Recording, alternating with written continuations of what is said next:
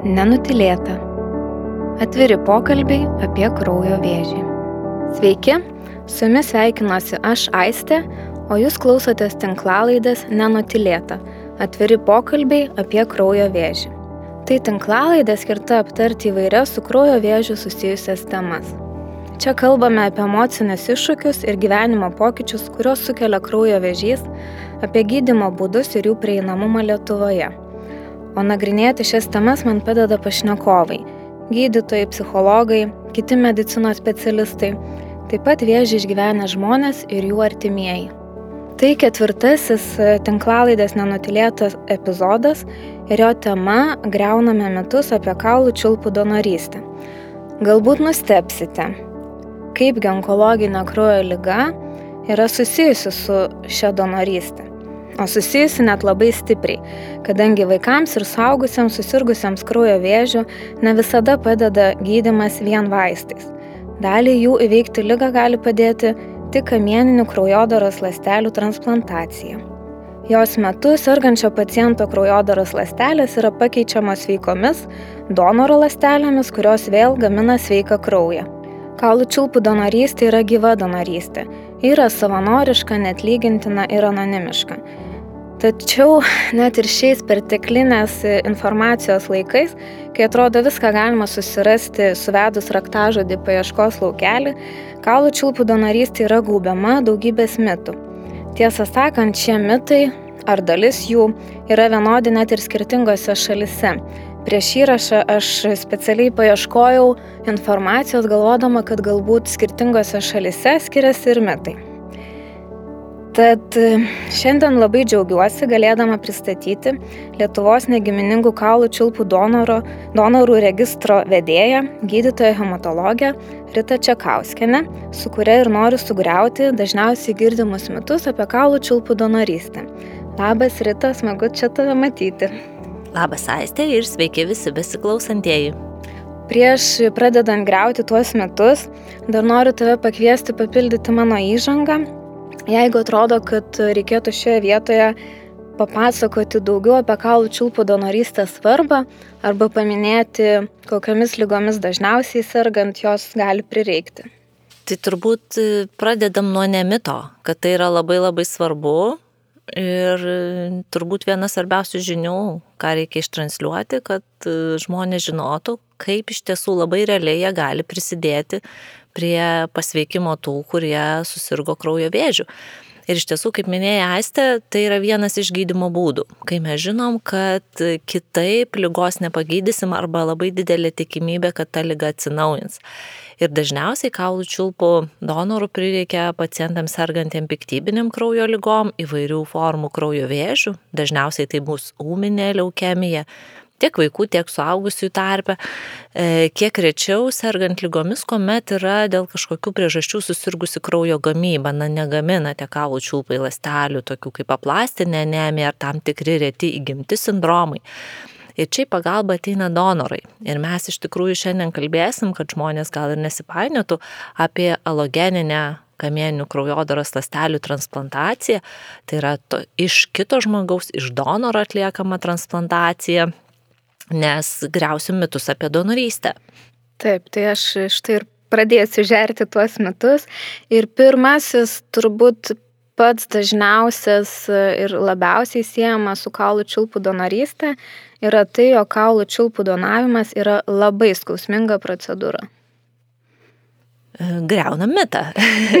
Bet nenoriu sakyti, kad donorui teks čia atvykti į spa procedūrą, nors mes aišku dėsim visas pastangas, kad jis jaustųsi kuo geriau, bet e, tai yra truputį skausminga, tiek kiek skausminga, sakyčiau, adatos durys į veną, donuojant kraują, imant kraują ir panašiai nes nežinau, ar metas užbėgti už akių, e, kad yra du e, kaulų čiulpų donacijos būdai, nes, na, su tuo susijęs turbūt ir papasakojimas, kiek tai skausminga. O šiaip tai vienas pagrindinių klausimų, kaip man bus, kiek, kiek aš jausiu. Nors, nors atvirai tariant, donorai labiau rūpinasi, kaip jausis pacientas. Mhm. Bet mums irgi svarbu, kad jie žinotų, kaip jausis jie. Taigi, kamieninės kraujodaros lasteles galima donuoti dviem būdais. Vienas, tas, sakykime, laikomas gal kiek senoviniu, arhaišku, bet vis dar šiek tiek taikomas, tai kai lasteles surenkam iš pačių kaulų čiulpų, iš rezervuaro, kurios ir gaminamos, kur yra jų depo ir lastelės ten gyvena. Tai yra donorui e, bendrosios nejautros metu, tai čia jau neigiamita, nes bendroji nejautra žmogus miega, tai nelabai jis ten ką ir jaučia, kaip bet kokia mums daroma invazinė procedūra, sakykime, užsimigdžius, tai yra pritaikius anesteziją. Donorui abipus punktuojamas yra klubakaulis iš nugarinės pusės ir e, tam tikrų adatų pagalba išstriaubiama ta skistoji kaulų čiulpų dalis iš, iš kaulo vidaus esančios akytosios medžiagos. Tai procedūros metu donoras iš tiesų skausmo nejaučia, nes tam ir yra nejautra. E, pabūdus po nejautros, donorą mes nuskausminam, bet nežiūrint to, kad atrodo, na kaip invaziška, ten abipus klubakūlį punktuoja su adata, išstriaubia ir išstriaubia ne taip mažai, turbūt tuos metus čia dar greusim, donoras jaučiasi visai gerai. Kartais tą pačią dieną, kartais sekančią dieną prireikia nuskausminimo, na, įprastiniais vaistais nuo skausmo, kaip paracetamolis, ibuprofenas. Ir tikrai e, šį metodą naudojam rečiau ir kai pradėjom truputėlį baiminausi, kad donorai po to ten iškris kokiai savaitė iš gyvenimo dėl to, kad, na, nemalonu, diskomfortas, ne. Tai sakyčiau, yra tos pačios dienos, na, kartais dar sekančios dienos, du bent skausmas dūrių vietoje. Viskas. Kartais po nejautros truputuką gal gali skaudėti galvą, papykinti, bet jeigu su skausmu, tai turbūt tiek ir reikia pasakyti apie šį būdą. Kitasgi būdas - surinkti lasteles iš kraujo. Tai labai panašu į kraujo komponentų donorystę, tik tiek, kad donorą reikia paruošti. Tai yra penkias dienas iš eilės donoras rytą vakarą turi susileisti į paudį mm, tam tikrą preparatą, filgrastimą, kad tų lastelių krauja padaugėtų. Tai yra, kad jos iš kaulų čiulpų išeitų į kraują, jų pasidaugintų, na mes galėtumėm iš ten jas surinkti, nes šiaip, na, iš neparuošto donoro niekur nesurinktumėm, jos gyvena kaulų čiulpose. Tai čia galbūt pirmasis momentas, kur gali šiek tiek skaudėti, bet tai yra nu, be galo mažai invazinis dalykas pasidaryti namuose poodinę injekciją su jau paruoštų švirkštuku. Tai prilyginčiau, kaip žmonės sergantis diabetu susileidžia savo insuliną keletą kartų per dieną ar, ar panašios injekcijos. Tai tikrai niekada donorai neakcentuoja, jog tai būtų kažkaip skausminga. Tai čia greuna mitą, čia neskauda, na, nežinau, uodo įkandimas kokios ten dar panašiai. Ir paskui penktąją dieną jie donuoja lasteles, tai donacija vyksta. Į vienos rankos veną yra į, į, įvedama adata, iš kurios kraujas pateks separatą, o per į kitą ranką, jos veną įvestą adatą, jis grįž. E, tai yra kraujas sukasi ratu, keliauja aparatą, ten atrenkamos kamienės lastelės, jos keliauja maišiuką ir grįžta kitos kraujo dalis, kurios vis dar reikalingos donorui, bet jų nereikia pacientui, grįžta per kitą ranką. Na tai tiek skausminga, kiek skausmingas adatos duris į veną ir į vienos rankos ir kitos rankos venas. Na ir taip reikia išbūti apie, apie mm, keturias valandas. Tai sako kiti, kad pradeda nuo to gulėjimo ir nieko neveikimo jau ir šonus skaudėti. Bet e, tiek, tikrai procedūra nėra labai skausminga e, ką verta paminėti ir kur tur, turbūt donorai dažniausiai pasako žodį skauda, bet tai irgi labai individualu ir labai kontroliuojama yra to paruošimo metu leidžiamas preparatas, kartais sukelia kaulų raumenų skausmus. Na tai yra šiek tiek panašu, kai sergam gripu, dabar jau madoja sakyti kaip COVID sergant. Tai jausmas panašus, bet vėlgi viskas yra medicinoje kontroliuojama ir davus pačių paprasčiausių esant skausmų vaistų nuo skausmo, galima tą procesą valdyti. Tai šiaip jau greuna mitą, kad labai skauda tai tikrai ne, o truputį, na tai tiek, kiek kada tai vena. Pasakodama apie donavimo būdus, aš bent jau išgirdau kito mito paneigimą, kuris taip pat yra labai dažnas ir labai gazdinantis žmonės. Aš nesu tikra, iš kur jisai kilęs. Kartais galvoju, kad galbūt iš filmų, nes esu mačius, kaip rodo kažką panašaus. Tai tas mitas skamba taip. Čia iš tikrųjų keli sudėti vieną, bet pažiūrėsim, ar dar čia kažką galim papildyti. Donuojant kaulo čiulpus yra paimami kaulo gabaliukai arba pjaunamas kaulas, o po donavimo procedūros kaulė liks skylė arba randų kūne. Mhm. Taip, taip, čia susijęs su tuo pirmuoju būdu, kai surenkam tiesiai iš kaulų čiulpus. Tai bet greunam mitą. Kaulo mes nepjaunam ir nerenkam, nes kaulo visai nereikia pacientui. Būtų labai baisu, jeigu ten kaulas patektų koks nors į tą surinkimo maišą. Kaip ir sakiau, renkant tuo būdu iš, iš klubakaulio, e, įbedamos abiejupus į klubakaulio sparną, tai taip vadinasi. Kodėl į klubakaulį? Nes pats didžiausias kaulas, didžiulė gamykla ir, ir patogu tai daryti. Įbedama ir netgi tai niekas nepjaunama, negrežiama, tai tiesiog atitraukiama švirkštų specialią adatą tas kistoji dalis esanti kaulų čiulpose. Tai iš tikrųjų kaulas nepažeidžiamas, Taip, tu turi jį patekti, bet patenki su adata, tai nie, niekaip ten jis ir nenukenčia. Ar liks randai? Mhm.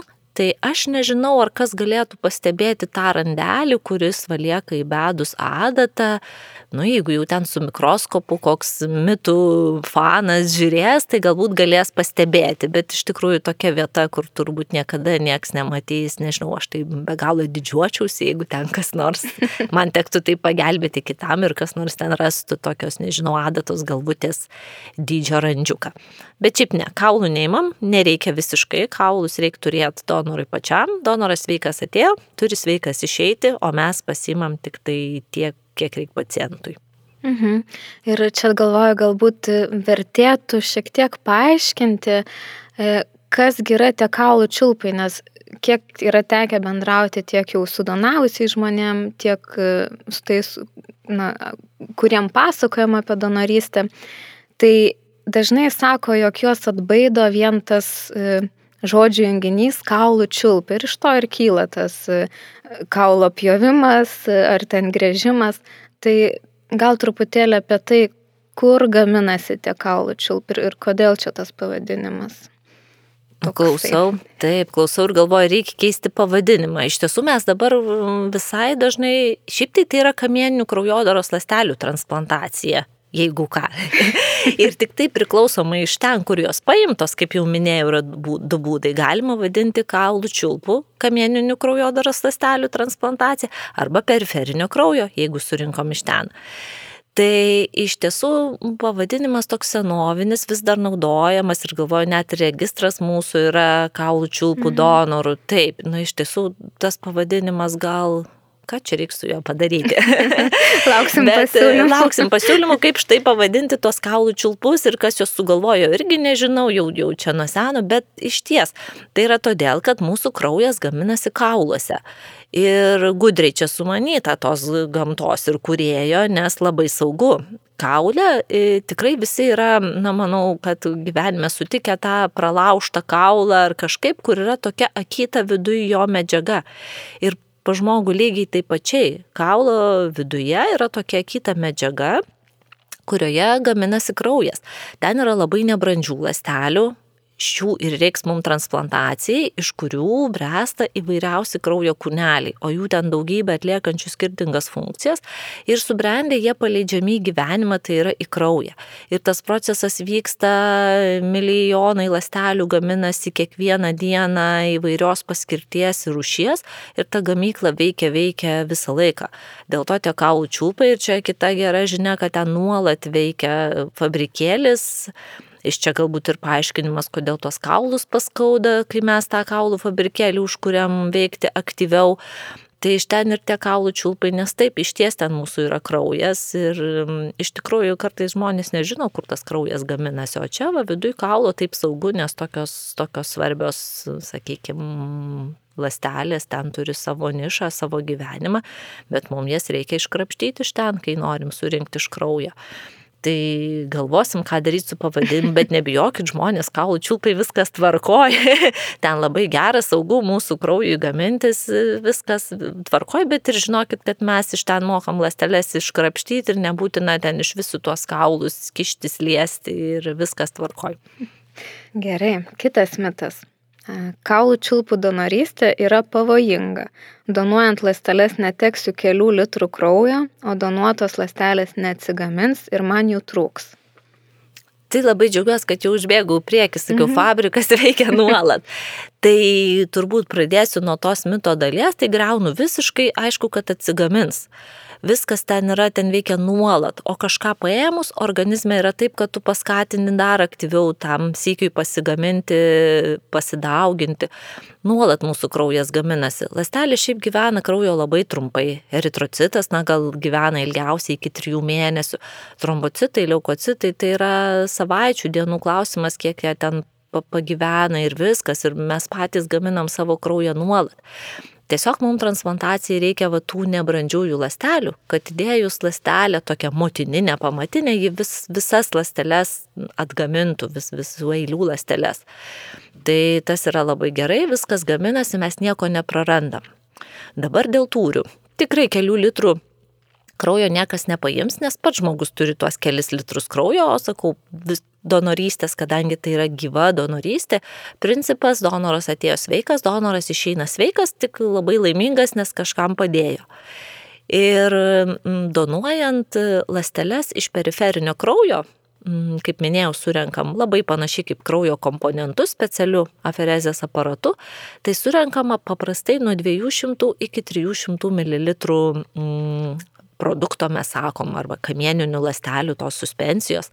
Ir tai iš tiesų priklauso tas rinkimo tūris nuo to, e, kiek žmogus prigamino tų lastelių. Mes donacijos dieną pasižiūrim jo kraujo tyrimą ir matom, ir jeigu prigamino labai daug, tai reikės surinkti ir mažesnį ten kiekį, jeigu žiūrim tūriškai, visiškai taip paprastai. Tai priklauso nuo to, kokio dydžio pacientų jis donuoja. Jeigu pacientas vaikas reikės mažiau, jeigu suaugęs truputį daugiau, bet bet kuriuo atveju donuojant iš kraujo tai yra mažiau negu žmogus atėjęs donuoti praranda duodamas kraujo. Ten apie 450 ml, o čia palyginimui 200-300. Beveik niekad nedaugiau. Donuojant iš kaulų čiulpų istorija truputį kitokia. Ten mes imam kaulų čiulpus tarsi iš natūralios jų aplinkos, traukiam, tai nėra jie kažkaip sukoncentruoti, imam juos ir tūriai ten yra išties didesni. E, vėlgi tūrius apskaičiuojam, skaičiuodami pagal pacientą, tai yra kiek sveria pacientas ir kiek kilogramų jo kūno svorio reikia tų lastelių. Yra tam tikros formulės, susižiūrim. Jeigu yra ta, tai mažas vaikiukas, reikės mažiau, jeigu didelis žmogus daugiau. E, bet tai būtų, sakykime, nuo 500 ml iki šiek tiek virš litro, labai retais atvejais pusantro. Vėlgi atsižvelgiama ir tai, kas yra donoras, nes iš didžiulio vyro gali surinkti vieną kiekį, iš vaikiuko gali surinkti mažiau. Pasakiau iš vaikiuko, bet tai tiesa, jeigu tai yra gimininga donorystė ir brolis donuoja broliui ar sesutė, sesutė, nesvarbu, mm, tai taip renkamos lastelės net ir iš mažų vaikų. Tai vėlgi, nuo iki priklausomai nuo donoro didumo, paciento didumo, bet irgi net surinkus tą patį didžiausią galimą kiekį, o tai vėlgi apskaičiuojami didžiausi saugus kiekiai, kiek gali paimti iš to donoro saugiai, vėlgi yra tam, tam tikros formulės, tam tikri reikalavimai, niekada neimsi daugiau, negu kažkaip ten jį nuskriaustumai. Tai mm, net ir tie kiekiai nėra labai pajuntami, nes tu imi iš rezervo tam tikrą prasme. Ne iš kraujo paties, kur staiga nuleistum ten kokį pusantro litro kraujo, tai turbūt būtų juntama, bet tai tarsi rezervas. Ir kita vertus, donorai, jiems yra papildomas, na, sakykime, tas netektas tūris lašiniam fiziologinio tirpalo, renkant lastelės iš kaulų čiulpų, tai nėra juntama. Ir atrodytų irgi toks, net ir medikam kartai žiūrint, štai paimiai pusantro litro, čia jau būtų daug, didelė donacija dideliam pacientui, e, paėmė didelį tūrį tų kaulų čiulpų, kaip čia atrodytų tas, tas donoras. Bet po valandos mes paprastai paimam jo kraujo tyrimą pasižiūrėti, koks kitas netekimas. Kaip rodiklis mums yra hemoglobinas. Tai turbūt nesu mačius jo nukritusio žemiau negu norma po tokios donacijos. Ir tikrai jaučia kažkokio netekimo dalyko jie nejaučia. Ir tai visgi yra retas būdas tie kaulų čiulpai, gal apie juos čia išsiplėčiau, bet čia tas didysis tūrio netekimas gal gazdinantis žmonės. Dažniausiai taip donuojama mažiem vaikam, tai ir tie tūriai bus mažiukai - 500 ml, 800 ml ir po tokio tūrio netekimo, kaip dėl jau priežasčių, kurias paminėjau, donorai paprastai tikrai jaučiasi normaliai, gerai. Aš ir norėjau dar paklausti apie tą savijautą, nes neseniai teko bendrauti su vienu donavusiu žmogumi, kuris pasakojo, kad jisai sportuojantis yra ir nors nebuvo rekomenduojama, bet jisai tą dieną vis tik vakariai išbėgo pamėgioti ir sakė, tikrai jaučiausi gerai ir, ir kiek man yra tekę bendrauti, kad kitą dieną žmonės eina kaip įprastai į darbą, daro veiklas, kurias visada daro ir, ir nėra kažkoks sveikatos sutrikdymas po bet, kurios, bet kurio būdo. Ar tai būtų tas su narkoze, ar iš kraujo įmama. Tiesa, tiesa, mm, galvoju, nuo kurio aš čia pradėti vietos, kiek esu girdėjus komentarų iš pačių donorų, kaip jie jaučiasi po donacijos. Tai šiaip tai jie visi jaučiasi euforiškai, aš pasakysiu. ir turbūt tas tikrai geras jausmas, nu, didelį darbą padariau, iš tiesų, nu, ne, nenuvertinkim ir nebejokim, nors jie dažniausiai būna kuklus labai mhm. žmonės ir viską, jie jaučiasi gerai. Aš manau, dar ten tie visi išsiskyrė, nežinau, laimės visokie gerumo hormonai dar geriau padeda jaustis, nežinau, ar ten būna adekvatu, bet iš ties, e, donorai po donacijos jaučiasi normaliai. Galbūt tą dieną nu, šiek toks nuovargis, gal labiau jie sako iš jaudulio ir, ar panašiai, sako jaudinaus, blogai mėgoju, apie pacientą galvojau, kaip čia ką, tai mes visiems sakom, pailsėkit, daugiau gerkit skyščių, išsimiegokit, o kitą dieną, kai skambinam, tai tikrai, nežinau, 99 procentai sako, o, viskas liuks. Mm, kartais jie truputėlį galbūt jaučiasi va to donorų paruošimo metu, gal sakyčiau, jeigu maudžia kaulus, ten tos raumenis, kiek gal rekomenduojam apriboti na, savo fizinę veiklą. Bet e, irgi labai priklauso nuo žmogaus. Esu turėjus donorą, kuris ruošėsi maratonui ir sakė, na aš tai čia negaliu kažkaip nebėgioti, na tvarkoj, pagal savijautą, tai jis kuo ramiausiai bėgiojo ten tuos savo po 20-30 km į dieną tikrai be jokių bėdų. Kad visi mes galim, kaip visi, ne visi, bet turbūt dauguma kalbu iš patirties, sėdėdami savo ofisuose prie kompiuterio dirbti, tai tikrai nėra abejonės, bet ir turėjau va štai šį pirmadienį donorą, kuris donavo savo sesę ir sakė, ką jūs daktarė, yra pats sėjos metas, aš visą dieną su tuo traktorium. Ir skambinu pasiklausti, kaip jis jaučiasi, taip na, įprasta daryti, kol donoras ruošiamas kasdieną. Tai girdžiu traktorius burbė ir sako, puikiai daktarė jaučiuosi ir nežinau, ir lastelių prigamino ir viskas žmogus tiek, kiek reikia. Tai didžioji dalis donorų jaučiasi gerai, normaliai. O jeigu jie sako, daktarė, kad skauda visgi ten tos kaulus, kaip ir sakiau, valdomi dalykai. Nuskausminam, paraginam išgerti tabletę ir norim, kad jie jaustųsi gerai. Mūsų toks tikslas. Mhm. Gerai, kitas mitas. E, norėčiau tapti donoru, tačiau baiminuosi, kad ligoninėje reikės praleisti labai daug laiko.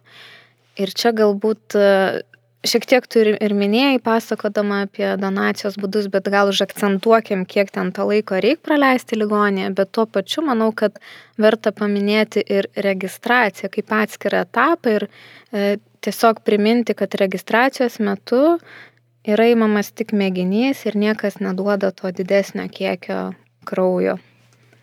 Taip, iš tiesų, verta tą paminėti, turbūt kiek žmonėm tas labai svarbu, o kiek aš sugaišiu laiko ir aš šiais laikais tą labai suprantu gerai e, ir viskas yra įmanoma, tik reikia planuotis. Tai iš tiesų turbūt, kad pirmiausiai to donorų taptum reikia užsiregistruoti, tai yra papulti į tą registrą, nes, na, kol jo ten nėra, mes niekada nematom, kas gali tikti pacientui. Tai registracija yra mm, tik kraujo mėginuko arba kartais žando gleivinės mėginuko paėmimas ir anketos užpildymas. Tai, na, sunku pasakyti 10-15 minučių, kaip čia greitai tą kraują paims ir anketą, bet tai yra tikrai labai labai greitas ir trumpas dalykas. Kartais tai galima padaryti kraujo donorystės metu, jeigu tai yra santaros klinikos, pavyzdžiui, ir, ir duodamas kraujas tuo pačiu, kad nereiktų ten papildomai durti to donoro. E, iš vis tam tikrų renginių metu, tai čia, manau, iš vis penkios minutės, dešimt minučių. Mm, Tikrai ne. Ir taip, irgi aistė gerai, kad tu paminėjai, tai nėra, kad, o, aš jau kaulų čiulpų donoras. Tai yra pirmas ir labai labai puikus žingsnis, kad žmogus užsiregistravo, bet tik jo, tik informacija apie jį, apie jo ten tam tikrus antigenus, pagal kuriuos mes parenkam žmogų, pateko į registrą didžiosios dalies žmonių net neprireiks niekada esančių tam registre, nes tai yra retas pakankamai dalykas, kad sutaptų su paciento, kuriam reikia transplantacijos tie antigenai. Tai iš tiesų žmogus tapo tik potencialių donorų, dar iki donorystės labai toli ir greičiausiai net niekad neprireiks, bet kiekvienas tas žmogus svarbus. Dabar kiek prireiks laiko žmogui jau, kai mes matom, kad jis tinka, jau skambinam, išsikviečiam ir derinam su juo donacijos visus reikalus. Tai jeigu pasirenkamas, o tai yra dažniausias būdas donuoti iš kraujo, kaip mes sakom, tos periferinės kraujodaros kamieninės lastelės, tai žmogų mes išsikviečiam vieną kartą prieš donaciją vizitui, sakyčiau, kuris trunka apie 3 valandas ligoniai, kad ištirtumėm jo sveikatą. Tai yra iš kraujo įvairūs parametrai tyriami, padaroma echoskopija, rengenas, kardiograma užrašoma ir papasakojam apie labai detaliai kaip vyks tas pasiruošimas ir pati donacija. Kartu suteikiam priemonės, kurias reiks naudoti metu, kaip ir minėjau, paudinėm injekcijom tam tikrą preparatą ir va visą šitą, sakykime, informacinę tokią tą sesiją kartu išsiklausiam apie sveikatos būklę donoro, jį ištiriam ir apie 3 valandų vizitas. E, Deja, tik santaros klinikose tai turbūt reikėtų įskaičiuoti ir laiką donorui, kurį teks sugaišti atvykstant pas mus ir vėliau atvykstama jau tik pačiai donacijai. Kai mes, kaip ir minėjau, pajungiam prie tam tikro aparato, renkam lasteles ir tas procesas nėra trumpas. Tai yra apie, sakyčiau, 4-5 valandų, pati donacija apie 4, bet kol įvyksta visi ten tie e, pajungimai, dokumentų supildymai. Iš tiesų mes sakom, kad donacijos dieną žmogus mums skirtų gerą, gerą pusdienį ir jau tą dieną nieko labai nesuplanuotų. Tai tiek yra iš sugaišimo ir donoras neguli ligoninė, jis yra sveikas žmogus, jis neturi gulėti. Išimtinais atvejais, jeigu donoras yra labai iš toli, mes jį na, pakviečiam atvažiuoti iš vakaro, bet tai ne dėl jo sveikatos būklės, o tikrai dėl patogumo, kad ryte jau jis būtų iš ryto ligoninė ir pradėtų nuo ankstaus ryto lastelių rinkimą. Tai tiek to sugaišimo. Sekančią dieną galima grįžti į darbą, viskas yra tvarkoje ir labai retais tikrai atvejais, kuomet prireikia donacijos antrąją dieną, taip gali būti, kad donoro prašysime donuoti dar antrą dieną, jeigu kartais dėl tam tikrų priežasčių susirinko nepakankamai lastelių. Bet tai įvyksta tikrai labai retai. E, kitas donacijos būdas - kaulų čiulpai, tie tikrieji, senoviškieji mūsų vadinami. Tai vėlgi ištyrimas lygiai taip pačiai ir donoro informavimas apie 3 valandas ligoniniai ir reikia atvykti vėlgi tą pačią dieną ir dieną praleisti ligoninėje. E, surinkimas vyksta šiaip tai kur kas greičiau, tai yra sakykime, nuo 20 iki 40, labai retai iki valandos iš tų kaulų čiulpų surinkimas. Tiek, kad donoras kurį laiką dar bunda po nejautros, mes jį pastebim, kaip jis jaučiasi ir iš esmės tą pačią dieną jį išleidžiame namo, tik prašome jo nevairuoti, bet tai nėra dėl pačių kaulų čiulpų surinkimo, tai yra dėl taikytos nejautros. Tai tiek to sugaišimo. Realiai pagrobėm vienai dienai ir kokiam trim valandom išsitirimui. Esu iš didelės šeimos, todėl esu tikras, kad jeigu man prireiktų kaulų čiulpų transplantacijos, kuris nors iš mano šeimos narių tikrai galės tapti mano donoru. Tikėtina, bet nebūtinai. Iš tiesų, taip, kai čia taip, taip vienas iš didžiųjų mitų, tai kaipgi ten tą donorą parenka ir kodėl man netiko brolis sesuo, kodėl dabar negali būti mama ar tėtis ir kodėl čia man iš vis to negiminingo donoro reikia. Tai čia tiems iš didelių šeimų, kurių beje vis mažiau, Ir turint pediatrinius pacientus, tai mažulėlius vis dažniau susidurėm, kad reikia to negiminingo donoro. Ir vis dar turim pacientų, kurie yra iš gausių šeimų vyresnio amžiaus, tai dažniausiai būna ir aštuoniese, jie ten ir šeši šeimoje ir būna tyriam visus ir nėra nei vieno tinkamo. O viskas yra labai paprasta. Tai donoras parenkamas pagal žmogaus leukocitinius antigenus. Tam tikra sistema, kuris savo nuo svetimo pažįsta ir mums reikia apgauti kūną ir pasakyti, čia tavo, priimk. Tai mes pusę tų antigenų paveldim iš mamos, pusę iš tėčio o kitą po pusiukę jie dar ten, ten tos jau nepaveldim, bet jas gali paveldyti mūsų broliai arba seserys. Tai yra turi taip sutapti, kad lygiai tas pačias pusiukės pasiemė mūsų brolis ir sesuo. Kartais užtenka turėti vieną brolį ir seserį ir jie pasiemė tas pačias pusės.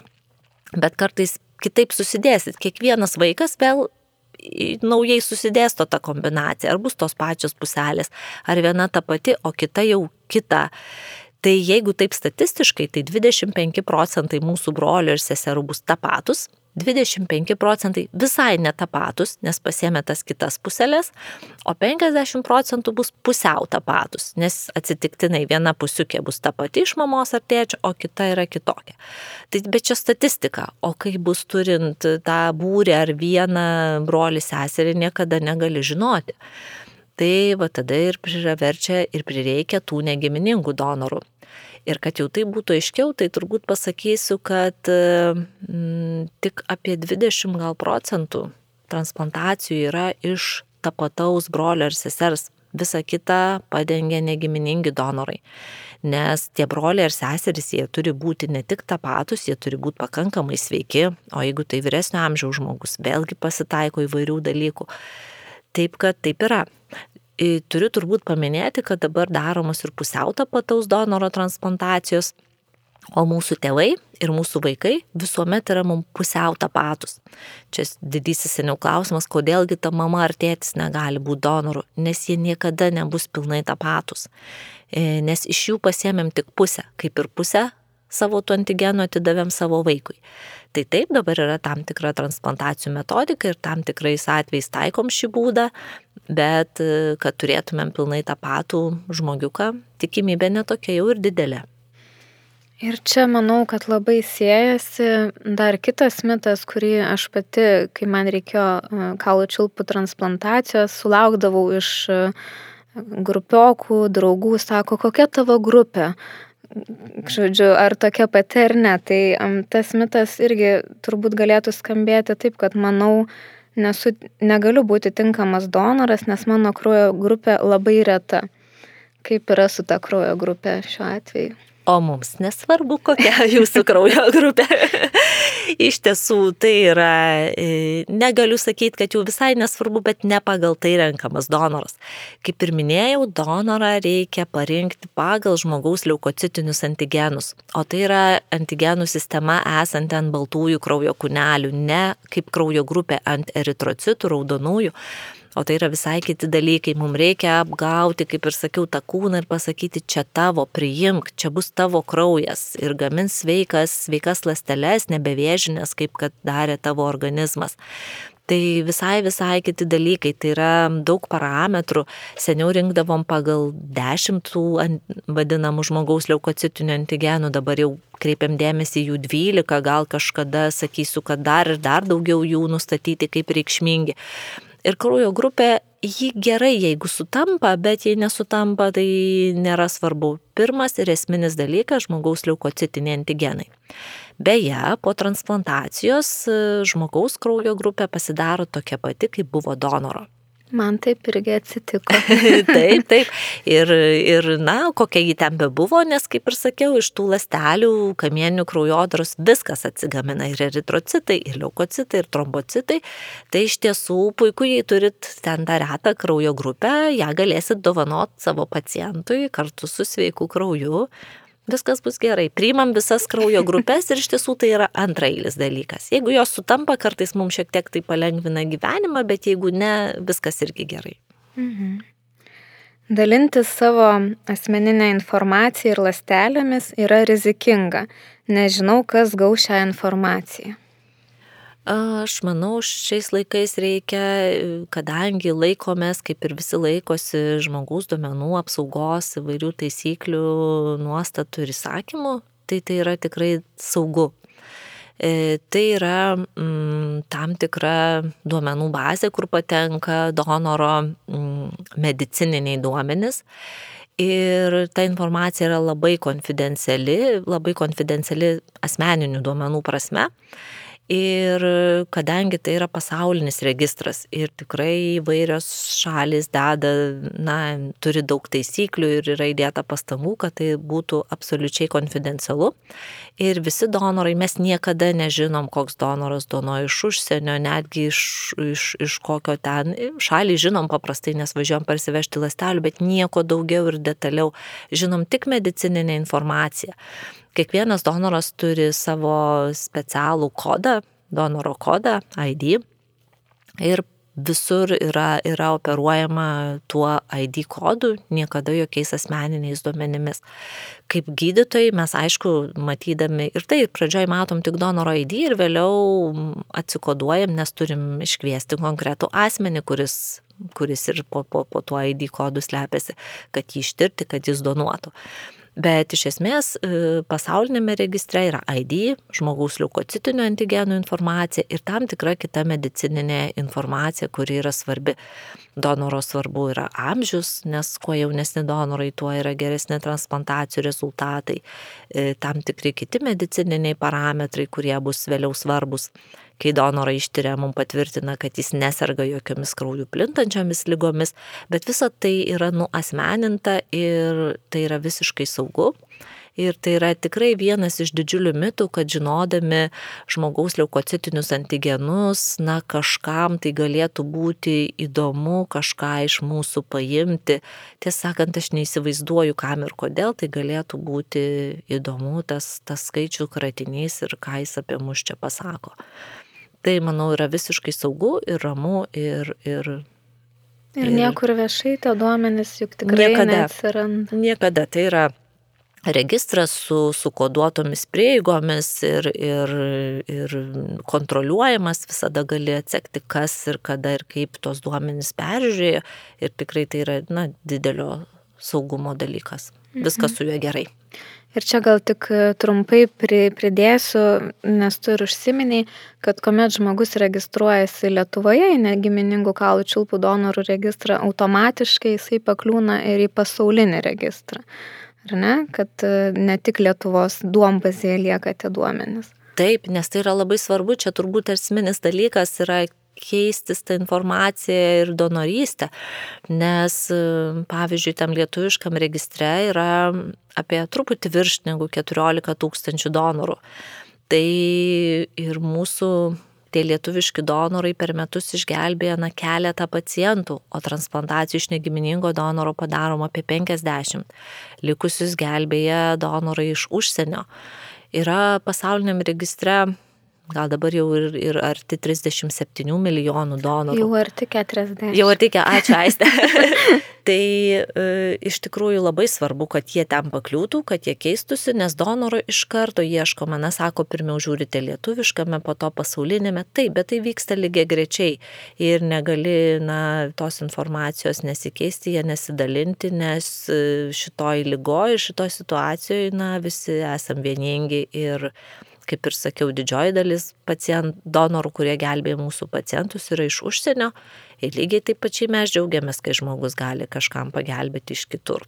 Tiesiog sakom pacientui. Mhm. Na ir paskutinis irgi e, toks labai dažnas, net nežinau, aš pateiksiu kaip mitą, bet iš tikrųjų toks klausimas, kuris e, sukelia žmonėm norintiems užsiregistruoti ir pykčio, ir tokių karštų diskusijų, tai yra apie tą amžių. Ir e, tas mitas mano skamba taip. Lietuvoje yra diskriminuojami vyresni nei 35 metų žmonės, norintys tapti kaulų čiulpų donorais. Kaip čia su ta diskriminacija. Oi ne, ką jūs, mes labai donorus tai įvairaus amžiaus e, gerbėm, mylim, mėgstam, bet pasakysiu turbūt kodėl. Taip, mes donorus registruojam iki 35 metų, bet visai nediskriminuojam, tam yra priežastis ir donorai tik registruojami iki tokio amžiaus. Donuoti lasteles jie gali negiminingi donorai pagal dabartinės nuostatas iki 55 metų imtinai. Giminingi donorai iš vis neturi amžiaus limito, tik turi na, sveikatos būklės apribojimus, jeigu kažkokių turi lygų. Tai jaunus donorus visada yra noras ir tikslas ir ne tik pas mus visame pasaulyje turėti kuo jaunesnį registrą. Nes donorą užregistruoji ir jis ten būna iki kol jam sukanka tie 56 metai. Ir per tą laiką prireikia mažiau negu 0,1 procento donorų. Tai yra didžių, didžiosios dalies donorų niekad neprireiks. Ir jeigu donoras užsiregistruos būdamas, sakykime, 53 metų, jis te pabus tam registre labai trumpai, jo greičiausiai niekam neprireiks ir tai bus, na, toks truputėlį m, tikrai reikalas neprasmingas ir veltui padarytas. Visos šalis tikrai turi įvairias programas, kad skatinti jaunimą iš vis paskutinių klasių moksleivius, ar tik baigusius mokyklą, pirmųjų kursų studentus, e, beinančius į ar privalomą ar savanorišką tarnybą ar socialinė, ar tai būtų mm, karinė tarnyba. Visus jaunus žmonės, vienas, kad jie kuo ilgiau pabūtų registre ir, na, tikimybė, kad jų prireiks ir jie galės kažkam padėti, būtų didesnė. E, kitas dalykas, kurį dar irgi minėjau, kad e, transplantacija iš jaunesnių donorų yra, mm, turi geresnius rezultatus ir tai įrodyta įvairiais e, tyrimais klinikiniais yra publikacijų, kad donorą turint jaunesnį nei 30 metų yra šiek tiek geresni transplantacijos rezultatai. Nu, kaip ten bebūtų matyti kažkokie potencialai lastelių ir degeneraciniai ir mutacijų nebuvimas juose ir taip toliau. Nu, žodžiu, ką jau ten besakysi, jaunystė visada yra norima ir mes norim to jauno kraujo, jaunų lastelių ir, ir tiesiog medicina, tyrimai taip mums sako ir mes juos girdim ir klausom. Tai bet jeigu kas galvoja, kad donorus kažkaip čia mes diskriminuojam, tai turbūt vyriausia donorė, kuri yra donavusi savo brolį, buvo 72 metų moteris. Viskas tvarkoja, viskas praėjo puikiai ir mes tikrai nediskriminuojam. Tiesiog yra tam tikros taisyklės su tikslu, kad žmogus kuo ilgiau pabūtų, kuo didesnė tikimybė padėtų, kad jis būtų kuo jaunesnis ir mūsų na, pacientai turėtų kuo, kuo geresnis šansus pasveikti. Tai yra pagrįsta mediciniškai ir mes tiesiog na, kviečiam jaunus žmonės ateiti ir viskas čia gerai, jokio, jokio, jokio ignoro, kaip sakant. Bet yra tam tikra tvarka ir jį labai pagrįsta ir, ir, ir turinti mm, mokslinį netgi pagrindą. Kaip ir kiti turi kitą mitą, sako, nu, kodėl norit vis tų labiau vyrų nei moterų. Tai ne tik mes jaunus žmonės, mes vyresnės moteris, taip diskriminuojam. Tai vėlgi, nu, šiaip tai moterų daugiau yra ir lietuviškam, ir pasauliniam registrė, jos labiau linkia padėti, labiau, na, matyt, gal turinčios atjautos, bet, e, bet vėlgi geresni donorai tavo medicininė prasme, kažkuria prasme yra vyrukai rezultatai iš jų geresni, jie niekada neiškrenta dėl neštumų, žindimų iš registro ir visą laiką, na, kaip ir galimi, sakykime, donorai yra. Tai vėlgi toks neignoruojam, bet mokslas mums siunčia tam tikras žinias ir mes juos reaguojam. Bet džiaugiamės kiekvienu donoru, kuris yra registre. Tikrai niekad negali žinot, kurio iš jų prireiks. Čia yra toks paradoksas, jis didelis, donorų prireikia mažai, bet kiekvienas labai svarbus, nes niekad negali žinoti, kada tavo. Man atrodo, čia mažesnė tikimybė negu kokį aukso puodą laimėjo, tai aš visat galvoju, kad aukso puodą laimėjo, tai kai kas tinka. Donorai labai dažnai tie, kurie jau yra donavę ir sako, kad laimėjau loterijoje. Taip, ir pacientas laimėjo. Kaip jam gerai. Taip, taip. Abu ir mes. Ir dėl to amžiaus tai turbūt, e, juk ne tik Lietuvoje ta tvarka yra taikoma visame pasaulyje ir netgi žinau yra šalių, kur tas amžiaus apribojimas yra dar žemesnis, tai nėra čia taip jau blogai pas mus. Tikrai taip, tikrai taip. Yra šalių, kur yra apsibrėžę 30 metų, žinau, 40, kai kur yra dar kitokia politika, kad gali ir, ir vyresni žmonės, bet iš serijos atvesk penkis jaunuolius ir užregistruosim. Na, visokių žmonės sugalvoja reikalauja reikalų, bet taip, amžiaus tam tikri apribojimai yra visose šalyse ir, ir kaip ir paaiškinau, turbūt kodėl atsakiau į tą klausimą. Tai ačiū Rita, kad padėjai sugriauti didžiąją dalį metų apie kaulų čiulpų donorystę. Ir natūralu, kad e, tai, kas nežinoma, nepatirta visuomet gazdina ir kelia bejonių, tačiau tikimės, kad e, išklausius šį epizodą Klausimą apie kaulų čiulpų donorystę kils mažiau, o kažką net ir paragins užsiregistruoti ir galbūt išgelbėti gyvybę žmogui sergančiam sunkia lyga. E, noriu priminti, jog informaciją šią temą visada galite rasti ir interneto puslapyje bugeras.lt, o kilus puslapyje neaptartiems klausimams susisiekti nurodytais kontaktais. Bugeras yra vienintelis oficialus informacinis projektas, kurio tikslas yra ne tik didinti žinomumą apie kaulų čiulpų donorystę, bet ir paskatinti išsiregistruoti į negiminingų kaulų čiulpų donorų registrą.